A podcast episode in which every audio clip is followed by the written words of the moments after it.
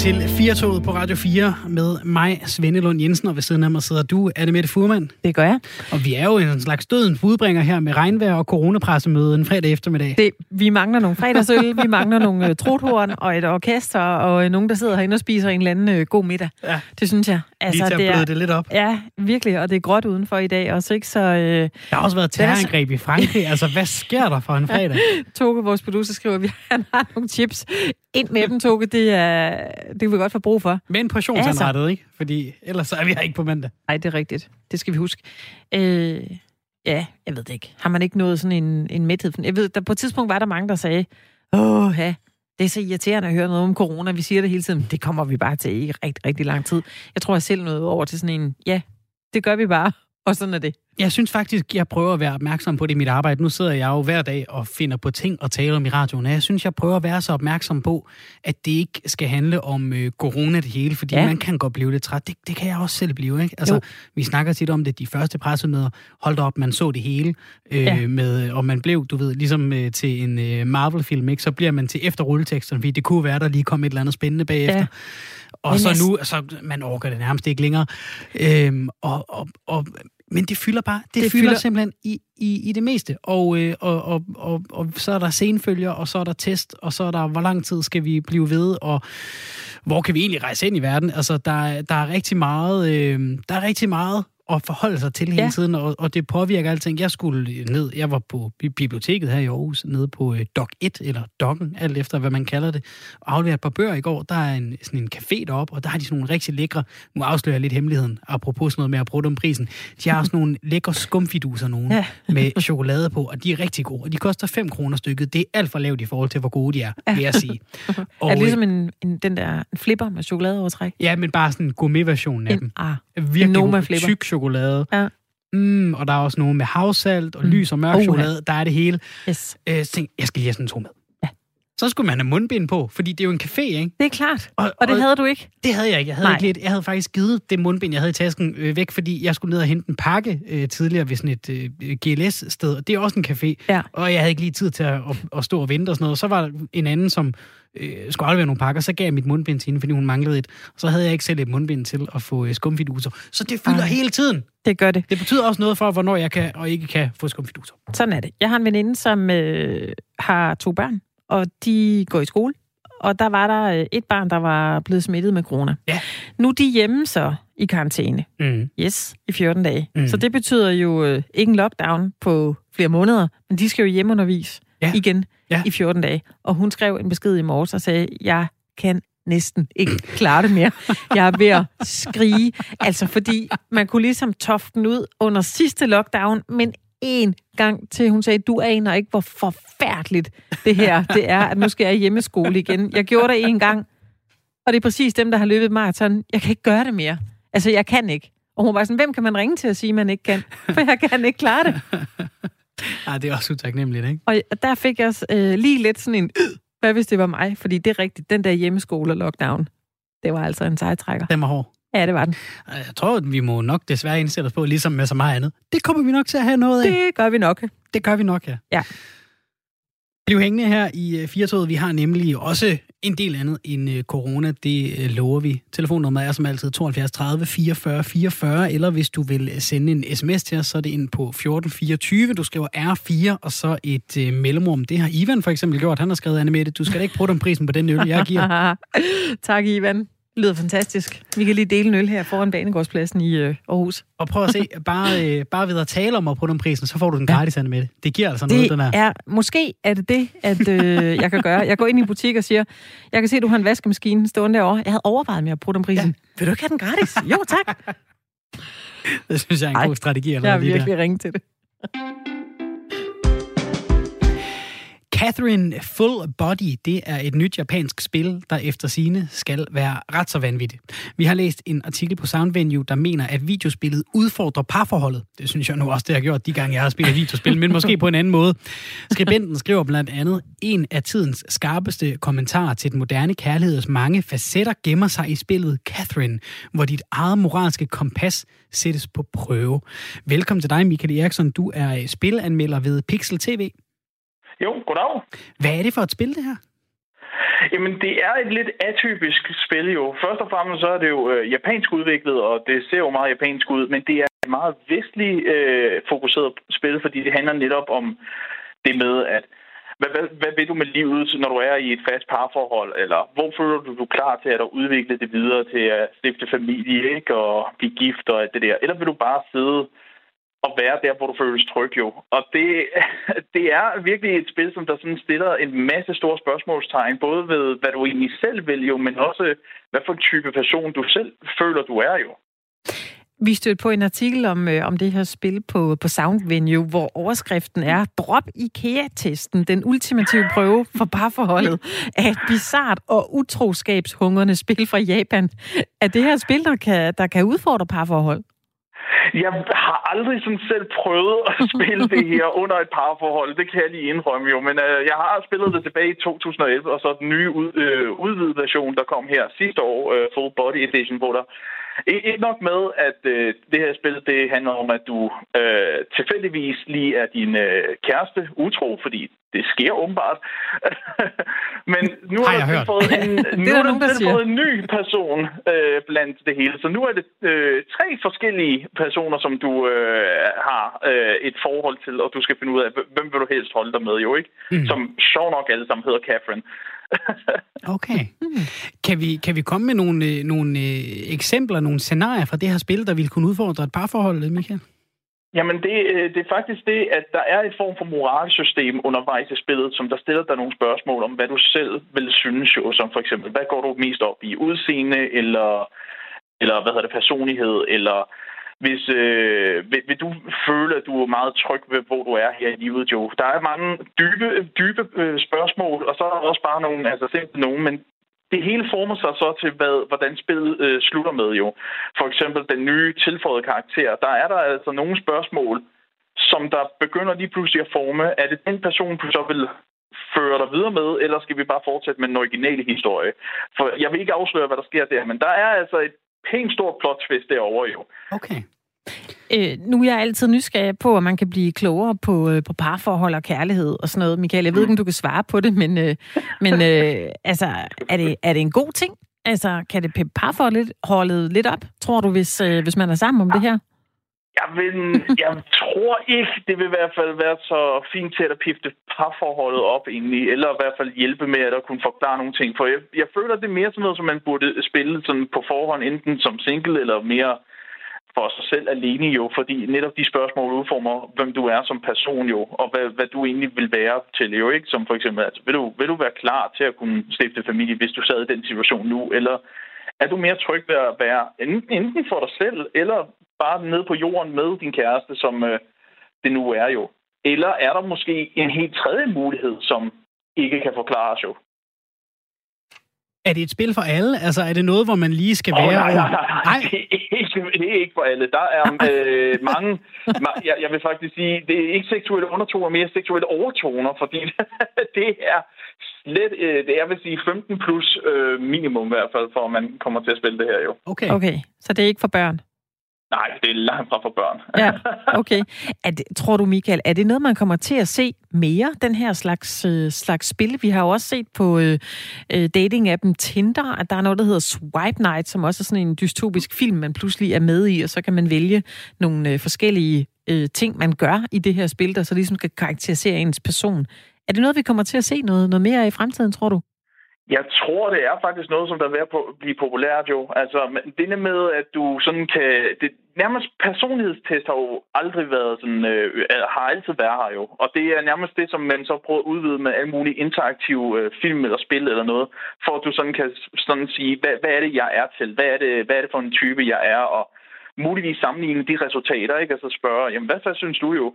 For eksempel i Catherine, efter du har besvaret nogle spørgsmål, så kommer der netop statistikker om, hvad har andre svaret jo, og hvad har, øh, hvad har mænd og kvinder svaret på de her spørgsmål jo. Så det er meget tit, at du kan se, er jeg unik i den her form, eller er jeg... Øh, mere eller mindre den, øh, hvad hedder det, den generelle person jo, og så kan jeg meget nemt finde mig en kæreste, der måske tænker de samme interesser som mig jo. Og nu nævnte vi øh, i øh, begyndelsen af den her snak, at det er et japansk spil, og det kan man så også godt se i, i stregen. Altså, det er øh, over mm. i manga-kategorien, vil jeg sige, eller sådan der omkring. Vil du ikke give mig ret i det? Jo, jo. Det er øh, 100% anime, og det er også lavet af nogen, som der er kendt for at leve den her type spil. Øh, Atlas, som der også har lavet nogle øh, meget andre kendte serier, som for eksempel øh, Persona-serien, som har lidt andre temaer, men der er også lidt dating og lidt øh, moralske dilemmaer, du bliver øh, stillet ud for jo. Og, og, og netop den her, den her sådan, øh, anime-stil kan jo tit også, når man, når man snakker i den mere erotiske karakter, være ret, øh, hvad kan man sige, pågående og, og, og meget, øh, meget ligefrem. Altså, bliver man simpelthen pinligt berørt, når man sidder og spiller det her spil? Altså, nu har jeg lige gået ind på hjemmesiden, og jeg bliver nærmest, ja. altså, jeg bliver nærmest øh, rød i kenderne bare af lige sådan og, og, og vide, at jeg ikke sidder i rummet alene her. Jamen, det, det, altså, det er ikke lige sådan en, man skal sidde, øh, sidde og spille foran sine forældre i hvert fald. Og Nej, jeg kan også se, man skal, man skal faktisk, øh, man skal også lige skrive, hvor gammel man er, inden man øh, mm. gerne vil købe det. Der kan man selvfølgelig... Ja. Der er ikke fuld men, øh... nøgenhed. Der er ikke fuld nøgenhed i spillet, kan jeg, hilse, øh, kan jeg i hvert fald lige øh, berolige folk okay. med jo. Så der er ikke direkte øh, over det hele. Men hende hovedpersonen, eller i hvert fald hende hovedcheateren, man er op med jo, Catherine, der stadig med et C, hun er netop sådan en, hvad hedder det, en fræk pige, som der nærmest er øh, vores hovedperson Vincents øh, drømmetøs jo, fordi mm. han, hun er netop bare, hun er fræk, hun er lækker, og hun gider ikke blive gift. Hun vil bare sidde og øh, have, det, have det godt med sin kæreste, hvad men hun så får, ikke? Altså øh, resten af livet jo. Der er ikke nogen binding eller noget som helst jo. Og derfor er det, hun gør jo alt for at for, for, forføre ham, sende frække billeder til ham på mobiltelefonen, eller prøver at dukke op på øh, ubehagelige tidspunkter på caféen og alt det der. Så der, det, der bliver i hvert fald virkelig trykke på en masse knapper der. Virker det så? Altså, fordi et, et, et godt, øh, et godt måle, et målestoksforhold for, om et, et spil er, er fedt, om det fungerer, det er, at man glemmer, at man sidder og spiller et spil, altså at man lever sig helt ind mm. i det. Kunne du, uh, kunne du glemme, at du sad uh, med, med en, en konsol og spillede det her spil, og ligesom levede dig helt ind i universet? Jeg kan, jeg kunne i hvert fald godt forestille mig, dengang jeg spillede det allerførste gang tilbage, øh, da jeg var de små 20 år jo, i 2011 jo, ikke? Der var jeg, øh, der var jeg lidt meget øh, investeret både i, hvad jeg selv ville vælge, men også, hvordan jeg ville få den bedste øh, hvad hedder det, slutning for mm. vores hovedperson, Vincent. Og øh, jeg endte med faktisk ikke at øh, blive fristet af Catherine med til at til, øh, gå tilbage til den gamle kæreste jo. Så der, du kan, øh, og det var i hvert fald, hvad jeg følte var den gode slutning jo. Så der er i hvert fald øh, meget, man kan sidde og eksperimentere med, fordi der er mange forskellige slutninger, det hele kan ende med jo. Mika, nu har vi talt meget om spillet, men øh, lige her til sidst, hvad, hvad synes du om spillet? Jeg synes, det er en... Øh, det, jeg, vil, jeg vil kalde det lidt af en klassiker, fordi det udover selvfølgelig alt det, vi har snakket om, at der er valgmuligheder og parforhold og sådan noget, så selve gameplayet jo er jo et uh, puzzlespil, fordi du har netop de her mareridt, hvor du skal klatre op ad en trappe og flytte blokke øh, for at undgå at blive øh, myrdet brutalt. Så der er også meget blod i det her spil jo. Øh, og, det, og det er sådan nogle mareridt, som øh, der også fører hen til, hvad, hvad er sandheden bag alt det her, der kommer til at foregå? Er hende der, den nye tøse, egentlig blevet... Øh, har hun en forbindelse med alle de her mareridt, og hvem er det, der står bag det hele og sådan noget? Så der er også noget mystik, der er noget puzzles, der er jerntænkninger, det, det, der er simpelthen så meget. Jeg synes, det er herrefedt jo. Det er herrefedt. Sådan. Michael Eriksen, øh, spilanmelder på Pixel TV. Tak fordi du var med os her i øh, Firtoget. Jamen, tusind tak for, at jeg kunne være der. Hej. Hej. Hej. Skal du hjem, og øh, tror du, du skal spille det her spil, Svende? Jeg vil sige, jeg skulle lige til at sige tak til Michael for at have prøvet det for os, ikke? fordi det, jo. det er jo, når det lige bliver lidt, altså, bliver lidt spændende til den ene side, ikke? Jo. så er det meget rart lige at Altså, jeg, jeg kunne på en måde godt se på det og sige, uh, det, det virker lidt spændende. Jeg havde jo lyst til at spørge Michael, altså, når, vi nu, når vi nu snakker om, om det ligesom, om det virkede, ja. så er der jo, når man snakker øh, erotisk indhold, så er der jo en meget specifik måde, for mænd i hvert fald, at finde ud af, om det virker på eller ej. Det ja. synes jeg alligevel var... var øh, det blev for fredagsagtigt, ikke? Ja. Det er ikke nu. Vi skal lige over klokken 17 efter pressemødet, så kunne det være. Jeg tænker, i disse tider, så er det ikke det rigtige at spørge folk om, man, om øh, når man interviewer dem. Det, det, det går ikke. Nej. Det går simpelthen Nej, det duer ikke. øhm, men, men det er, spændende, det er spændende at... sådan noget her. Jeg, altså, jeg kan da huske fra min, fra mine yngre år, jeg har da tit kigget på sådan nogle spil, fordi sådan nogle spil har jo fandtes på i alle mulige afskygninger og tænkt, åh, oh, det virker lidt spændende, ikke? Jo, det er mere det her med, jeg synes, øh, det, det den her sådan personlighedsagtige ting, der er indover, at hvis ja. du vælger det her, så sker der det her, mm. som vil øh, kunne få mig til at, øh, at ville spille sådan noget her. Ja. Ikke lige øh, titanats med Catherine her. Jeg tror ikke, jeg vil ture, Men, fordi jeg har sådan en tendens nej. til, altså uanset hvad det er... Du bliver slugt. Jeg bliver simpelthen slugt af spil. Jeg ja. elsker spil. Det er det bedste, jeg ved. Ægte. Gør du det? Ja, ja, ja. Ja, sådan spil på mobilen. Det kan være alt muligt. Det kan være sådan noget fjollet, hvor man skyder, du ved, bolde op, som skal øh, pares med nogle bolde i samme farve. ja. Så kan jeg blive helt grebet af det. Ja. Øh, altså, det er typisk et eller andet, min søn introducerer mig for, som han så spiller, og så falder jeg for det. Altså, så går ja. jeg og spiller Pokémon Go. Vi har gået sådan noget, altså over 1000 km siden, han begyndte at spille under ja. det her corona. Ja, klart, klart. Øh, og, og, og, og så tror jeg, det ville være meget usundt for mig at falde i, i den her Lige gryde. præcis det her. Jo, ja. godt. Så jeg tror måske, den skal jeg faktisk holde mig fra. Du siger tak, men øh, fint at vide. Men mindre jeg kan prøve mig til prisen og få det lidt billigere, så gider jeg måske godt.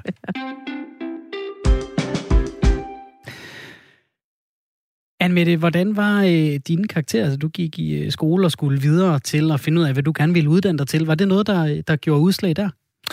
Altså, øh, jeg var sådan en, øh, der fik vildt høje karakterer i folkeskolen. Så startede jeg på gymnasiet som 15,5-årig. Så mm. fik jeg vildt dårlige karakterer. Ja. Min første øh, tyskprøve fik jeg et par briller, Nå, som det hedder. Det var et 0-0. Ja. ja.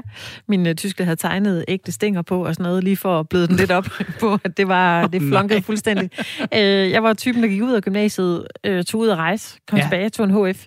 Uh, der gik det overordentligt godt. Mm. Jeg fik et, uh, et højt gennemsnit, mm. men, uh, men jeg har ikke brugt det til noget. Nej. Nej. Desværre. Har du tænkt over, om det er man kan sige, så er det jo heldigt for dig, at du ikke har, har skulle bruge det til noget. Der er jo masser af unge mennesker, som lige mangler. Jeg kunne godt have brugt det til noget. Nå, det, ja, det var ikke ja, nå, nej, nej, men, men at, at der, hvor du, der, hvor du så valgte ja. at, at søge hen, der, var, der skulle du ikke bruge det til noget. Nej.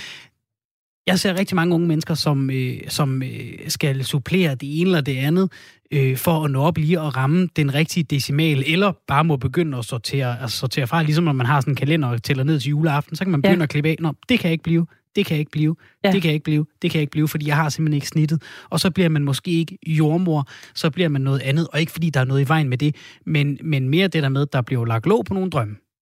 Og det kunne være, at man havde en rigtig god jordmor, som bare var virkelig dårlig til engelsk i gymnasiet. Ikke? Ja, præcis. Jeg øh, skal nok lade være med at starte en brand her mod karakterer, men det ja. er virkelig en kæphest for mig. Jeg synes, det er... Øh, nej, jeg kan ikke begynde at gå ned ad den vej lige nu, men jeg synes, der er den ene ting med, at øh, gennemsnittet, fordi der er en høj søgning på de her øh, studier, at så bliver gennemsnittet trukket op. Der er jo også nogen, der tilsvarende er, altså der kan alle søge. Mm. Og det er ikke altid, at det er for alle, den her uddannelse. Altså der er ligesom ikke nogen øh, casting, hvis man kan sige det sådan, på, mm. på nogle af de uddannelser, så nogle af de mennesker, som, som søger det, ender måske med at, altså ikke at få det bedste ud af det. Mm. Og det er jo omvendt også ærgerligt. Ja, og der er jo mange veje ind i den her snak. Jeg kan huske, øh, jeg tror, vi har snakket om det tidligere her i programmet, altså der, der findes jo simpelthen unge mennesker, som får høje snit, og som siger, jeg vil faktisk gerne være lærer. Og ja. så, er der, så er der alle mulige folk rundt omkring dem. Det kan være i familien, det kan også bare være på, på gymnasiet, som siger, du skal da ikke spille dit snit på det. Du skal, Ej, det da, rigtigt, ja. du skal da læse et eller andet andet. Ikke? Og ja. så, så der er, sådan, der er sådan, også sådan et omvendt pres om at så, øh, i går så en bruge det her høje snit til, til et eller andet, ja. der er øh, et værdigt formål, når man nu har fået så højt et snit, upagtet ja. hvad man så ellers måtte have lyst til at gøre. Men det er rigtigt. Sad du i gymnasiet? Du har gået i gymnasiet, ikke? Jo. Ja, sad du der og var kalkuleret og tænkte, okay, altså, nu har jeg fået den og den karakter, så skal jeg simpelthen herop i min næste mundtlige eksamen, der skal jeg have over 9 eller 10, hvis jeg skal hive mit snit Nej, fordi jeg vidste på det tidspunkt, der vidste jeg nok godt, at, at plan A, det var journalisthøjskolen, og okay. der skulle man ikke, der skulle man ikke bruge et snit, der skulle man Nej. egentlig bare have bestået gymnasiet, tror jeg, det var dengang. Ja, og så er der optagelsesprøve. Øh, så er der optagelsesprøve, som man ja. skal klare.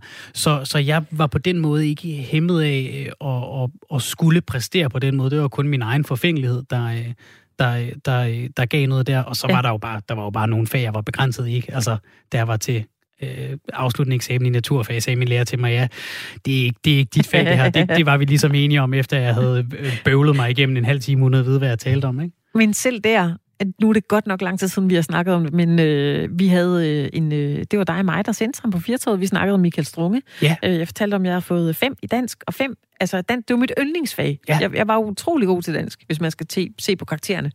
Det fik jeg jo et femtal. Ja. Ikke? Så det er jo også det. Jeg kan huske, jeg fik... Øh jeg fik 10 i religion, tror jeg.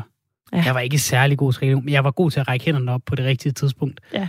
Øhm, og vi havde en i min, øh, en i min klasse, der var, der var Jehovas vidner, så og hun var, vidste jo naturligvis meget mere end mig om religion. Hun blev lidt sur, fordi hun fik 9, og det var jo det var jo komplet uretfærdigt i basisviden om emnet. Ja. Jeg var så bare til, bedre til at sælge varen på en eller anden måde. Ikke? Ja, der kan du jeg se. kunne godt forstå, at hun blev sur. Ja, selvfølgelig. Jeg, jeg havde ikke ligesom lagt det, det grundlæggende arbejde. det skulle være sådan, at man kunne få lov til at give en kar- ekstra karakter til nogle af sine venner bagefter ja, og sige helt ærligt, okay, jeg fik et tital, du får det. Du får Vi en forlom. Yes.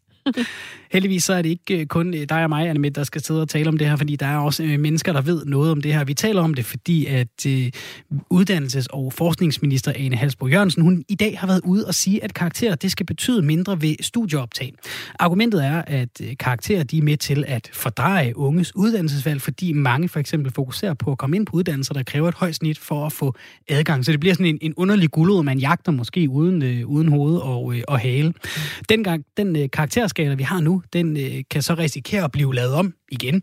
Ane Halsbro Jørgensen har tidligere udtalt, at øh, den såkaldte syvtrinsskala, der starter på minus 3 og slutter på 12, ikke er dækkende nok. Springene er for store mellem karaktererne. Minuskarakteren skal fjernes, og i toppen må der godt være noget at stræbe efter, som er endnu højere end det nuværende 12-tal, har ministeren tidligere udtalt. Det skriver Ritzau. Så det kunne for eksempel være det gode gamle 13-tal, der øh, var på vej tilbage, eller noget højere, der lyder sejt. Du får 100 i dansk, Anne Politisk, der skal vi nu have en diskussion om, hvor meget mere der skal ind ved siden af karaktererne, har Ane Halsbo Jørgensen sagt til Ritzau. Det er der nok mange gymnasieelever, der er rigtig glade for, altså den udmelding, hvis man ikke lige har snittet til at komme ind på sin drømmeuddannelse. Men er der brug for et nyt karaktersystem? Velkommen til dig, Christian Bern Carlsen. Hej, hej. Du er lektor ved Sociologisk Institut på Københavns Universitet, hvor du blandt andet forsker i øh, social arv i uddannelse og social mobilitet. Er der behov for et øh, nyt karaktersystem? For det første vil jeg sige, at det er et, det er et stort spørgsmål, øh, og heldigvis er det ikke øh, mig, der kun skal besvare det, men jeg vil sige, at det kommer jo meget ind på, hvad man, hvad man stiller i stedet. Mm. Øh, der er jo fremhævet altså nogle ulemper øh, ved det system, der er i dag, ligesom der var ulemper ved det, der var før det. Ja. Øh, så så det, er jo, det er lidt et åbent spørgsmål, hvad det er, der skal erstatte og hvordan kan man gøre det bedre. Hvis vi så skal prøve at fokusere på nogle af de ting, som, som ministeren snakker om her, altså vi har en, en, ifølge hende, har hun tidligere sagt, en, en skala, der ikke er dækkende nok, og vi har øh, et, et øh, karaktersnits optagelsessystem, som, som kan være med til at, at få skru billedet lidt og gøre øh, nogle unge enten øh, forvirret over, hvad de gerne vil, bare fordi de jagter et bestemt øh, snit og en bestemt uddannelse, fordi den lyder prestigefuld i snit, eller fordi de ikke kan komme ind på deres drømmeuddannelse, fordi de ikke har simpelthen nået det rigtige snit. Er der noget af det, hvor, hvor du tænker, man burde øh, gå ind og skrue lidt? Jeg vil sige, at det er i hvert fald to forskellige ting. Altså, selvom vi havde et andet karaktersystem, kunne folk stadig godt finde på at vælge uddannelser på baggrund af, hvad der er selektivt, altså i forhold til, hvor det er svært at komme ind.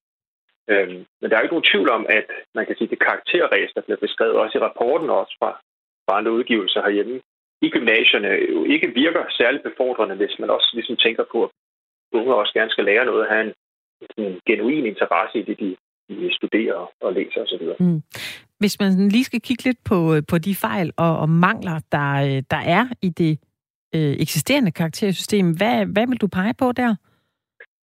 Jeg tror, jeg lægger mig meget op af nogle af de øh, evalueringer. Der var en evaluering var det sidste år fra Danmarks Evalueringsinstitut, hvor man jo pointerer det her med, at minus 3 på den ene side er måske øh, ikke så motiverende. Øh, der var også noget omkring, at der er ikke så meget, altså der er meget langt øh, mellem karaktererne i midten. Det er også noget, jeg genkender fra min egen øh, hverdag, når vi giver karakterer til, til eksamenerne. Der er langt fra 7 til 10, og der er meget langt fra 7 til 4, også i forhold til et gennemsnit.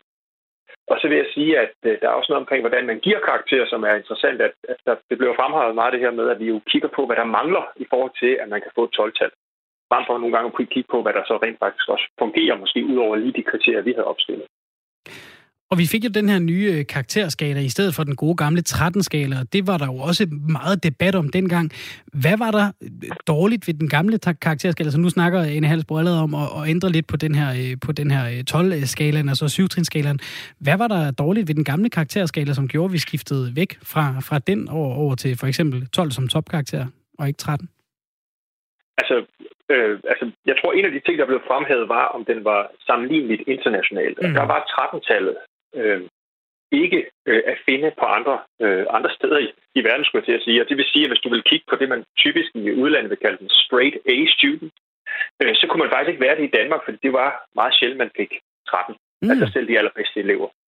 Øh, så, og det, det gør et stort problem, når man så også skulle måske have noget uddannelse eller have nogle kurser i udlandet, så, så sender det et mærkeligt signal. Så på den måde synes jeg, at, i hvert fald sådan som jeg husker den debat, at der, det var der noget rigtigt i, også for min stol i dag at, øh, at øh, ministeren, øh, en Halsbro Jørgensen, er ude nu og, og tale om at ændre på, på den her skala og måske få tilføjet en, en topkarakter, der er højere end 12.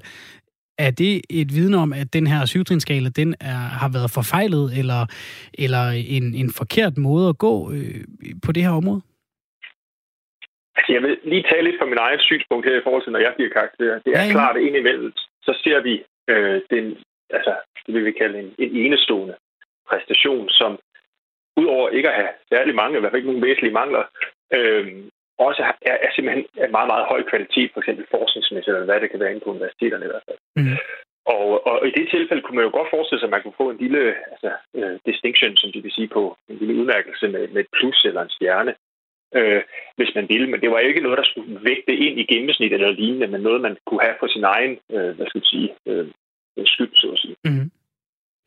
Hvis vi nu skal fokusere på, på det her med, med karakterernes rolle ved optagelse på øh, uddannelsesinstitutionerne, øh, vil det kræve, hvad vil det kræve fra universiteterne, hvis man ikke længere bare skal optage på karaktergennemsnit? Jamen, altså det vi ved jo fra kvote 2 er, det er jo, det, det er jo omkostningstungt. Ikke? Altså, det tager tid og, og koster penge osv., hvor det er også det, vi ser en ny rapport, der kommer ud her i dag, at, at det er et meget effektivt system, vi har, når vi optager på karakterer igennem kvote 1 primært i Danmark. Øhm, så det er jo noget, der er tungt, og det afhænger lidt af, hvilke kvote 2-systemer og hvordan man indretter det.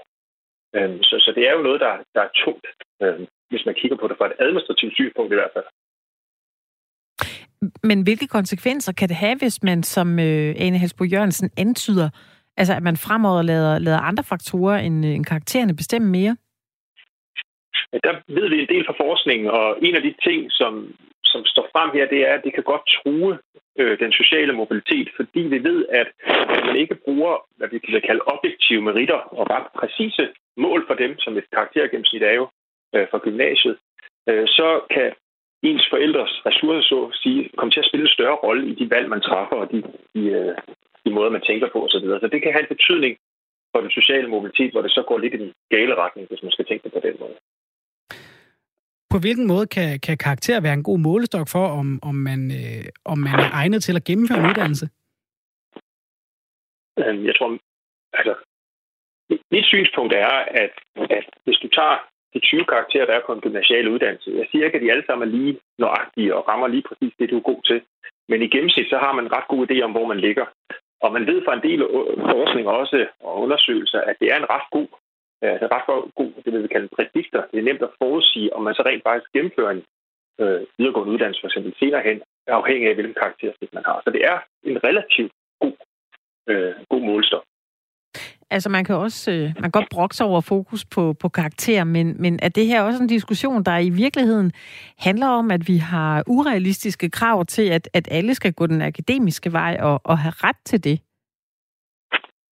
Ja, der kan godt ligge en, hvad skal vi sige, underliggende her en socialdemokratisk øh, agenda, ikke, som, hvor, man, hvor man har lidt omkring det her med uddannelsesnopperi og så videre. Det synes jeg selvfølgelig også er, er, er vigtigt, at man har en, en politisk diskussion. Øh, men, men hvis man skal kigge på det fra forskningssynspunkt og forhold til tiltag, der kan fremme social mobilitet, så synes jeg ikke umiddelbart, at karakter er en dårlig ting, øh, hvis vi i hvert fald kigger på det fra sådan en forskningssynspunkt. Når man nu snakker om, om karakter, nu, nu snakker vi jo lidt om dem, når vi når op og, og er færdige med gymnasiet og skal ind på universiteterne. Anne Mette, vi talte om det tidligere på, på redaktionen. Du har en søn, ja. der går i, er det 8. klasse? Han går i 8. ja.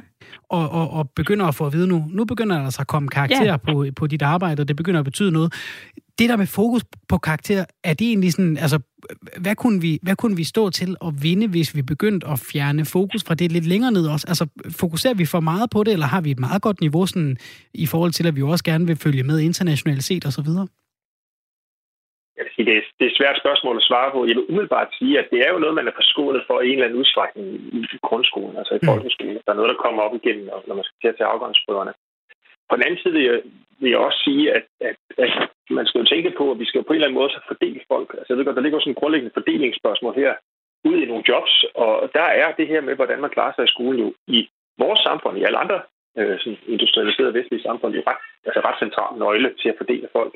Øh, så, så der er jo, altså, ja, jeg tror, det store billede er det svært ligesom at, at sige, sige hvad, det, hvad det handler om. Hvis du nu fik lov til, øh, Christian Bernd Carlsen, og, øh, at få lov til at viske Ane Halsbo i øh, øret her, hvad vil du så anbefale den her nye, øh, potentielt nye karakterskala? Hvordan skulle den se ud? Og ja, det tror jeg, jeg vil holde lidt for mig selv. Altså, jeg tror måske en lille smule mere øh, forskelle på midten, sådan at vi ikke skal sidde og, og folk føler, når de har fået firetal, at de var tæt på en syvtal, hvor der er meget langt op i forhold til deres gennemsnit. Mm. Det, det, det, det tror jeg, det er, jeg sidder helt personligt, når jeg sidder her. Er der også noget ved, altså nu, nu snakker vi lidt om det her med, at der er nogle unge, som, som måske ikke kan få den, øh, den uddannelse, de, øh, de drømmer om, eller måske har man øh, slappet lidt for meget af i første eller anden G, og så skal man lige pludselig løbe stærkt for at kompensere og supplere osv. Er der også en, en lille grad af, at, at, at vi også måske pakker de unge lidt for meget ind? Altså nu har man jo snakket meget om den curling-generationer og så videre. Altså er, er det også nogle gange bare sådan, jamen tough luck, der er nogle krav, og, og man skal jo gøre det godt i sin, i sine opgaver og gøre en indsats og lave et ordentligt produkt, så du må bare gøre det arbejde, der skal til, og så må du selv finde ud af at få lavet dine lektier og, og så videre, alt det, der skal til. Altså, tager, tager, tager vi, for, for, giver vi dem, hvad kan man sige, for meget vat rundt omkring, de, rundt omkring dem, de unge? Jeg sige, det synes jeg er svært at svare på. Altså, hvis du ser på de unge i gymnasiet, som, som ifølge den her rapport og også andre udgivelser, de som tyder på, at de er jo nærmest redselslagende over, hver gang de skal have karakter, og det styrer så meget af deres adfærd og tanker i hverdagen, stresslignende følelser, jamen, så kan man jo sige, så er det netop, fordi de tager øh, ansvaret på sig. Øh, måske netop ikke, fordi de bliver pakket ind i vat. Øh, men måske er det også en erkendelse af, at i de samfund, vi lever i i dag, der er det jo altså et eller andet med også at kunne performe og mm. klare sig godt.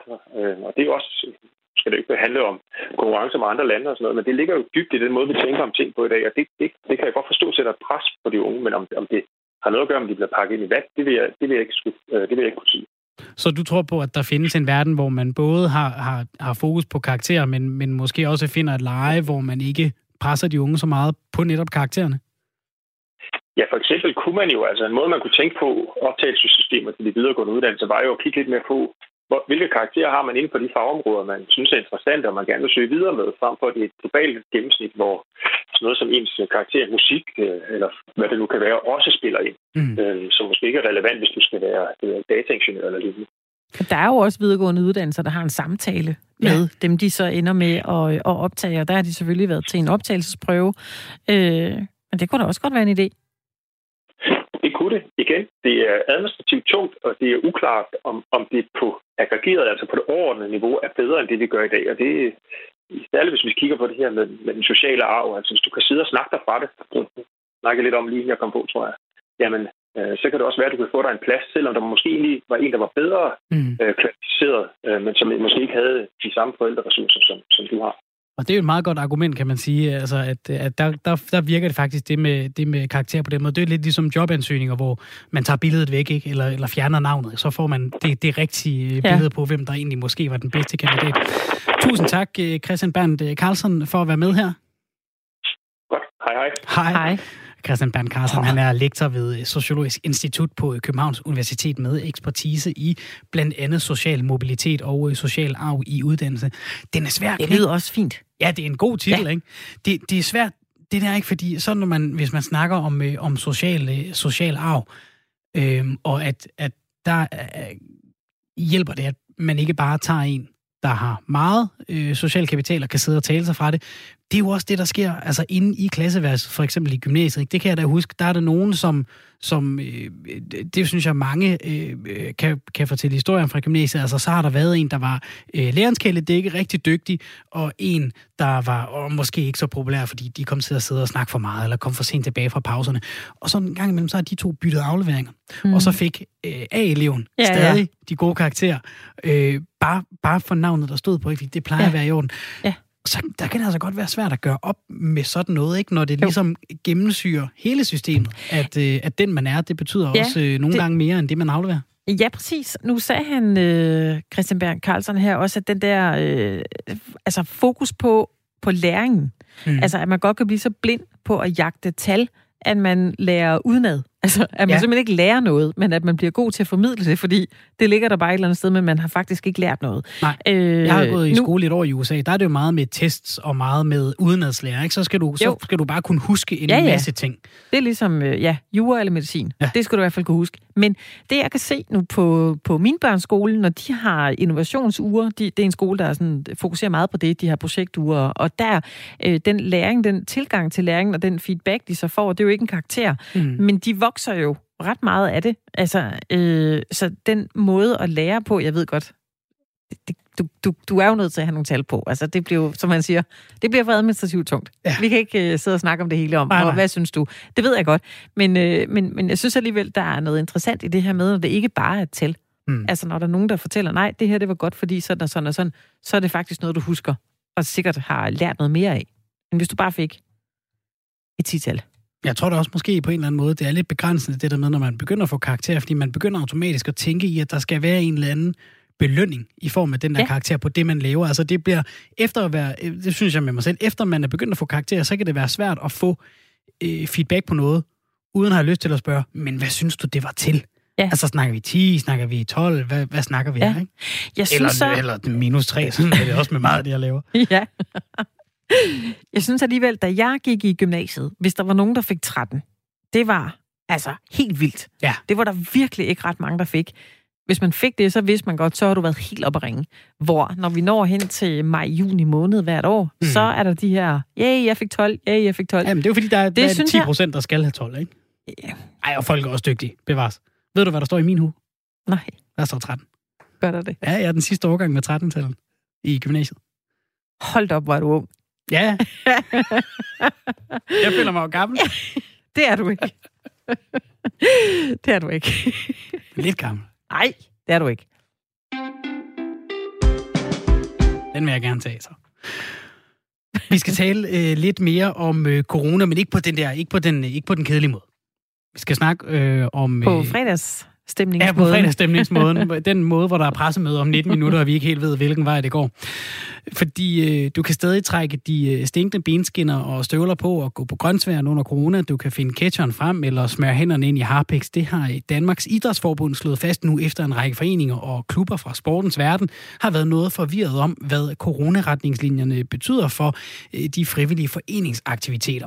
Morten Mølholm, velkommen til dig. Du er administrerende direktør i Danmarks Idrætsforbund. Ja, tak skal du have. Der huser en øh, lang række idrætsforeninger. Hvad er det, I har fået henvendelser øh, fra klubberne om? Ja, men altså, der har jo været noget uklar kommunikation her de sidste dage. Det, det, det startede med et brev til alle forældre om, som kunne misforstås i forhold til, om man måtte dyrke fritidsaktiviteter, og det, der egentlig stod for undervisningsministeren, var, at man skulle undgå sociale arrangementer mm. i forbindelse med fritidsaktiviteter. Og der er vi jo blevet nødt til at gå ud og at få præciseret, at øh, der er ikke noget galt med idrætsaktiviteterne. De er ikke forbudte, men vi anbefaler også, at man undlader de sociale arrangementer, så man holder sig alene til idrætsaktiviteterne. Og så her i går, så har der også været noget, noget uklar kommunikation omkring øh, turnerings- og stævneaktiviteterne, hvor vi også er blevet nødt til at gå ud og forklare folk, at jamen, det, er, det er lovligt, og der er retningslinjer for, og man kan sagtens styrke turnerings- og stævneaktivitet, så det er der heller ikke noget galt ved at gøre. Kan vi prøve lige at få det, få det slået lidt mere øh, konkret fast, øh, Morten Mølholm? Hvad er det, der er okay? Altså træning er okay, kampe, turneringer er okay. Hvor, øh... Træning, kampe, turneringer er okay, øh, så længe man holder sig inden for forsamlingsforbud. Det vil sige, at der maks må være 50 personer samme tid, samme sted, øh, så kan man øh, dyrke idræt i foreningerne. Øh, og det vi så anbefaler, det er ikke forbudt, men vi opfordrer så klubberne til at sige, lad så være med at tage tredje halvleg med. Lad være med mm. at lave klubfester, lad være med at holde middag sammen i klubben osv. Øh, det kan I godt undgå. Øh, hold jer til idrætsaktiviteterne. Det er selvfølgelig for at øh, undgå smittespredning. Og hvad betyder sådan en, en opfordring? Altså fordi øh, netop tredje halvleg, det er der noget af det, der sikrer sammenhold og økonomi ude i de små idrætsforeninger? Ja, men der vil jeg sige, der har, og det har du fuldstændig ret i, og det er jo en stor del af fællesskaber øh, med idrætsforeningerne, men, men der synes jeg, at vores klubber er super gode til at følge de opfordringer, vi kommer med. Vi opfordrede dem også i foråret til at i en periode lukke helt ned for idrætsaktiviteter, også selvom de ikke var tvunget til det. Og det gjorde de. Øh, nærmest alle vores 10.000 øh, lokale foreninger. Så de plejer at følge trop på de opfordringer, vi kommer med, hvis de der ellers er fornuftige, og det synes vi, de er i det her tilfælde. Har I overvejet at trække det håndtag igen, Morten Møller? Altså, jeg, jeg talte med dig, jeg tror, i et andet program tidligere på året, altså, hvor I tog den her beslutning om at, at lukke ned, og jeg, jeg kan huske, at det, det var en øh, beslutning, der gjorde ondt på dig som, øh, som øh, diff-mand. Øh, har I overvejet øh, nu at, at, at lukke ned for sportsaktiviteter og sige, nu tager vi lige en pause i idrætten og håber, at det påvirker smittetallene, der har været stigende over hele landet på det sidste? Nej, det har vi faktisk ikke, og jeg forstår godt, du stiller spørgsmålet. Vi var i en anden situation i foråret, der var det noget mere ukendt for os, det her, og jeg tror, alle var skræmt over, hvad det her kunne, kunne, kunne indebære, og derfor valgte vi at lukke ned i, i en forholdsvis lang periode. Siden er vi jo blevet lidt klogere på, hvad det er, der især smitter, og hvad det er, man skal være opmærksom på, og også hvor meget det betyder for blandt andet børn og unge at få mulighed for at have en hverdag også med sport. Øh, der, der synes vi, det vægter folkesundheden og det, at børn og unge har noget at tage sig til i deres fritid, mm. når nu i øvrigt også natteliv og andre ting er lukket ned. Det, det tror jeg vægter meget, meget højt for os. Plus, at vi, vi har en, et, et halvt års rigtig gode erfaringer med, at idræts- og foreningslivet har været rigtig gode til at passe på, så det ikke er der, at øh, den store smittespredning er sket. Mm. Vi har talt om øh, før, at nogle gange der kan man have det lidt svært ved at navigere i det her med, hvad der er vejledende, og ikke sådan en øh, forbudsting. Altså, at det her, det må du, det her, det må du ikke. Får I nogle bekymrende henvendelser, eller får jeres foreninger det fra, fra forældre, for eksempel, som, som er bekymrede eller forvirret? Jamen, de er forvirret, og det, det er klart, at når der er den der uklare kommunikation, hvor ting ikke slås fuldstændig fast, øh, altså som for eksempel brevet til alle forældre, øh, hvor det egentlig står rigtigt nok, men hvor det så dels tolkes af nogle forældre forkert, dels kommer der så noget medieomtale, hvor der kommer overskrifter, der hedder øh, minister udtaler aflys alt, så er det mm. klart, at så, så bliver forældre ekstremt usikre på, øh, hvad der gælder og hvad der ikke gælder. Og det er jo vores opgave at få præciseret og gjort det klart. Men, men det er klart, at vi, vi vil også gerne opfordre myndigheder og medier til at være lidt spids i deres kommunikation, for jeg skal hilse at sige, vi, vi, vi laver meget oprydningsarbejde i øjeblikket, når, når folk er lidt, lidt, lidt for upræcise i deres kommunikation til befolkningen. Ja. Hvordan, øh, Morten Mølholm, øh, har opbakningen været, sådan, når vi nu står her et, et, lidt over et halvt år efter øh, corona gjorde sit indtog, i hvert fald med den store nedlukning 11. marts. Hvordan har opbakningen til foreningslivet været med hensyn til at, at, at betale kontingent stadigvæk, selvom der ikke har været noget at gå til og holde gang i foreningslivet på den måde? Jamen, foreningslivet har været ude i økonomiske udfordringer. dels på grund af det her med med kontingenter. Hvis klubberne var lukket ned, så er det klart, så kunne det være svært at få kontingenterne øh, skrabet ind, når, når der nu ikke var nogen aktiviteter. Den, den, den største indtægtstab, foreningerne har haft, det har været, at de har været vant til at tjene penge på at være arrangører af større motionsarrangementer eller hjulpet til ved festivaler, hvor de tjener nogle penge ind til klubben. Og, og der har de mistet rigtig mange indtægter. Men der har vi jo så heldigvis haft opbakning fra det offentlige i form af, at vi har fået stillet nogle puljer til rådighed, hvor vi så har uddelt kompensationstilskud til en række lokale breddeforeninger. Og det har fungeret rigtig godt, og vi er nået ud til rigtig mange foreninger med en lille håndtrækning til det daglige. Og det var lidt om, om økonomien. Jeg tror rigtig mange af os, da, da det begyndte tilbage i marts, øh, det her øh, corona og lockdown osv., så, så fik man meget sådan en, ej, ved du hvad, jeg glæder mig til, at vi alle sammen mødes i en stor fælleskrammer på den anden side af det her, og kan gøre alt det, vi plejer, og tage til koncerter og alle de der ting. Og nu er vi sådan der, hvor mange troede måske ville være den anden side, og det fortsætter altså stadigvæk. Hvordan har foreningslivet sjæl det? Ja, det er klart, at jeg, jeg tror roligt, vi kan sige, at vi, vi er vi fik en mavepuster øh, her med de stigende smittetal og forsamlingsloftet, der blev sat ned, og ingen tilskuere, eller i hvert fald meget få tilskuere til, til sportskonkurrencerne, og stadigvæk forbud mod de store arrangementer, som jo er en stor del af, af, af idrættens liv og sjæl også. Så der er ingen tvivl om, at vi fik en mavepuster der, og jeg tror, at alle folk er blevet usikre på, hvad byder det næste halve til tre kvart år på, og den, mm. den usikkerhed er ikke sjov at, at leve med. Så den, den ligger også i uh, foreningsidrætten. Jeg tror, vi alle sammen håber på, at man har indset også med erfaringerne fra det sidste halve år, at man sagtens kan holde uh, idrætten åbnet, fordi at idrætten er en super disciplineret og organiseret sektor, der sørger for, at der er styr på tingene, og dermed også sørger for, at uh, der bliver overholdt alle de retningslinjer, der er. Det, mm. det, det har foreningsidrætten vist sig at være gode til. Det håber jeg også, også betyder, at man gennem det næste halve år holder os, holder os åbent. Mm. Der har jo været meget snak om, at øh, folk de er blevet mere opmærksom på at støtte de øh, lokale butikker. De øh, sørger for at gå ned og købe tøj i butikkerne og støtte deres lokale grøns, grønhandler og sådan noget. Er der, øh, er der opbakning øh, at mærke sådan øh, med medlemmerne?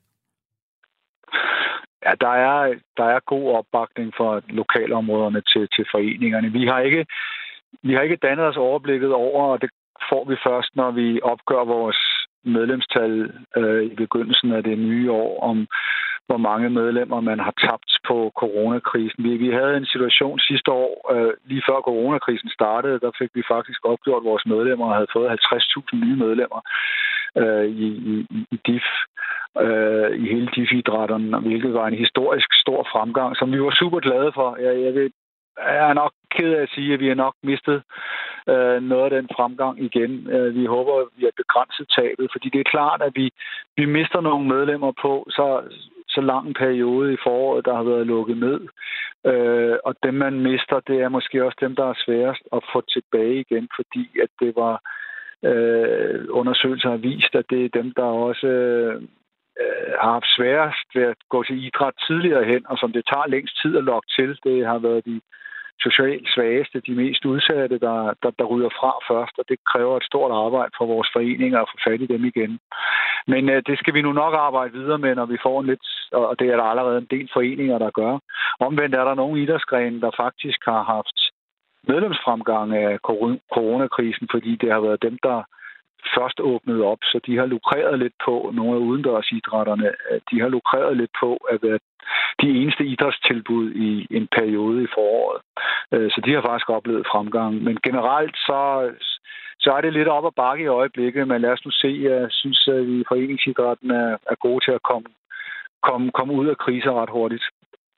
Må jeg spørge dig helt kort, Morten Mølholm, øh, når, når øh, der nu begynder at blive afholdt øh, stævner og sådan noget igen, som, som jo så er okay, hvor meget, hvad kan man sige, hvor lettet er du, hvor, hvor, hvor, hvor stort et, et lettelsens suk drager du hver gang, der ikke kommer et eller andet, et eller andet superspreder event ud af noget, der foregår i difregi, fordi det er jo noget, vi alle sammen bærer lidt rundt med os. Vi har ikke lyst til at være dem, der smitter på arbejdspladsen, eller øh, vi kan også se nu altså, forskellige fritidsinstitutioner osv., der aflyser ture, som ellers var planlagt, fordi man, man ret hurtigt øh, måske kan forudse den negative omtale, der vil komme på den anden side, hvis det går galt i forhold til at blive smittet. Hvor meget fylder det for, for dig lige nu?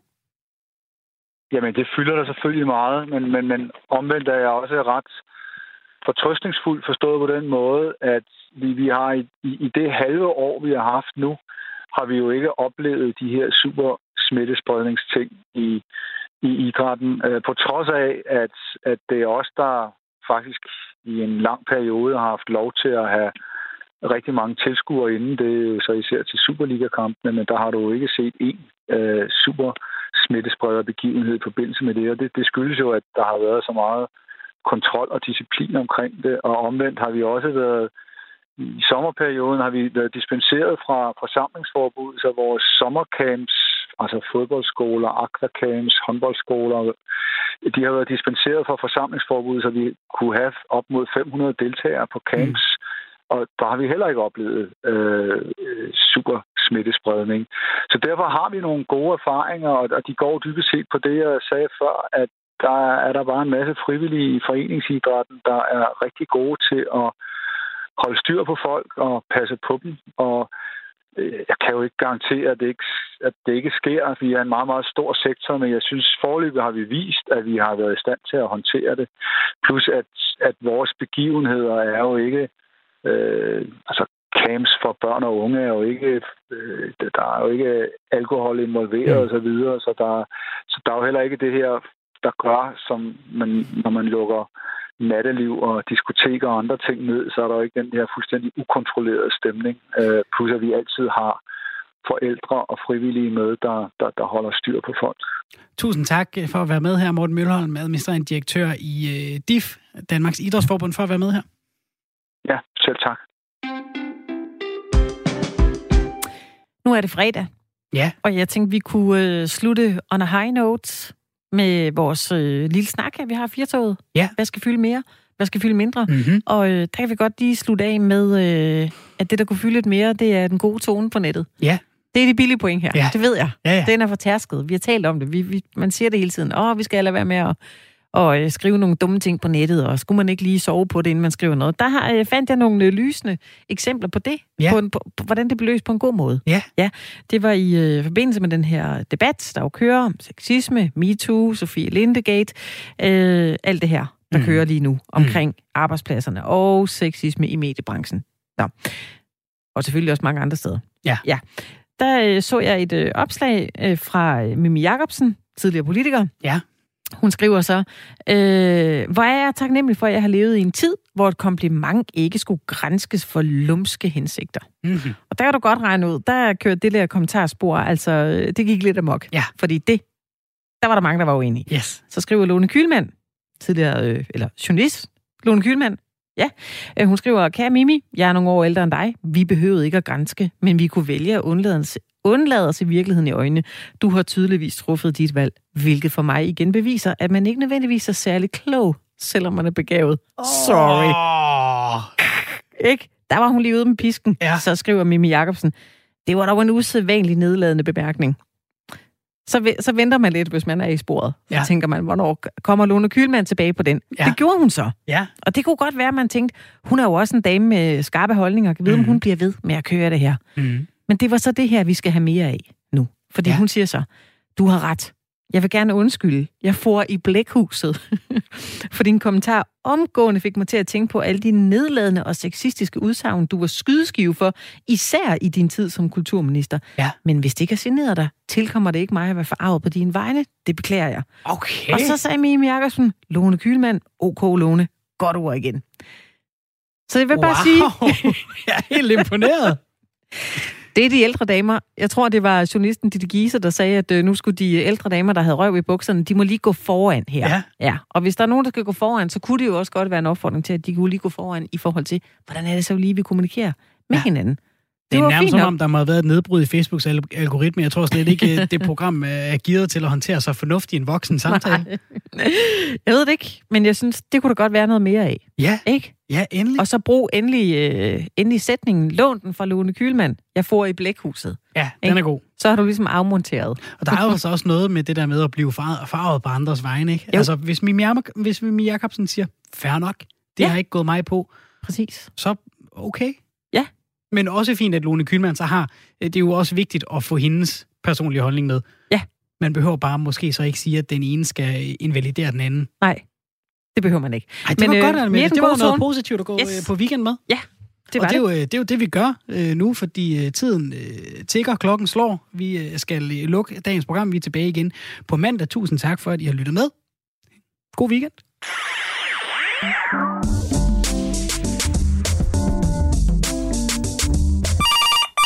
Radio 4 Lytterservice, du taler med Esben. Det er Skov Epa.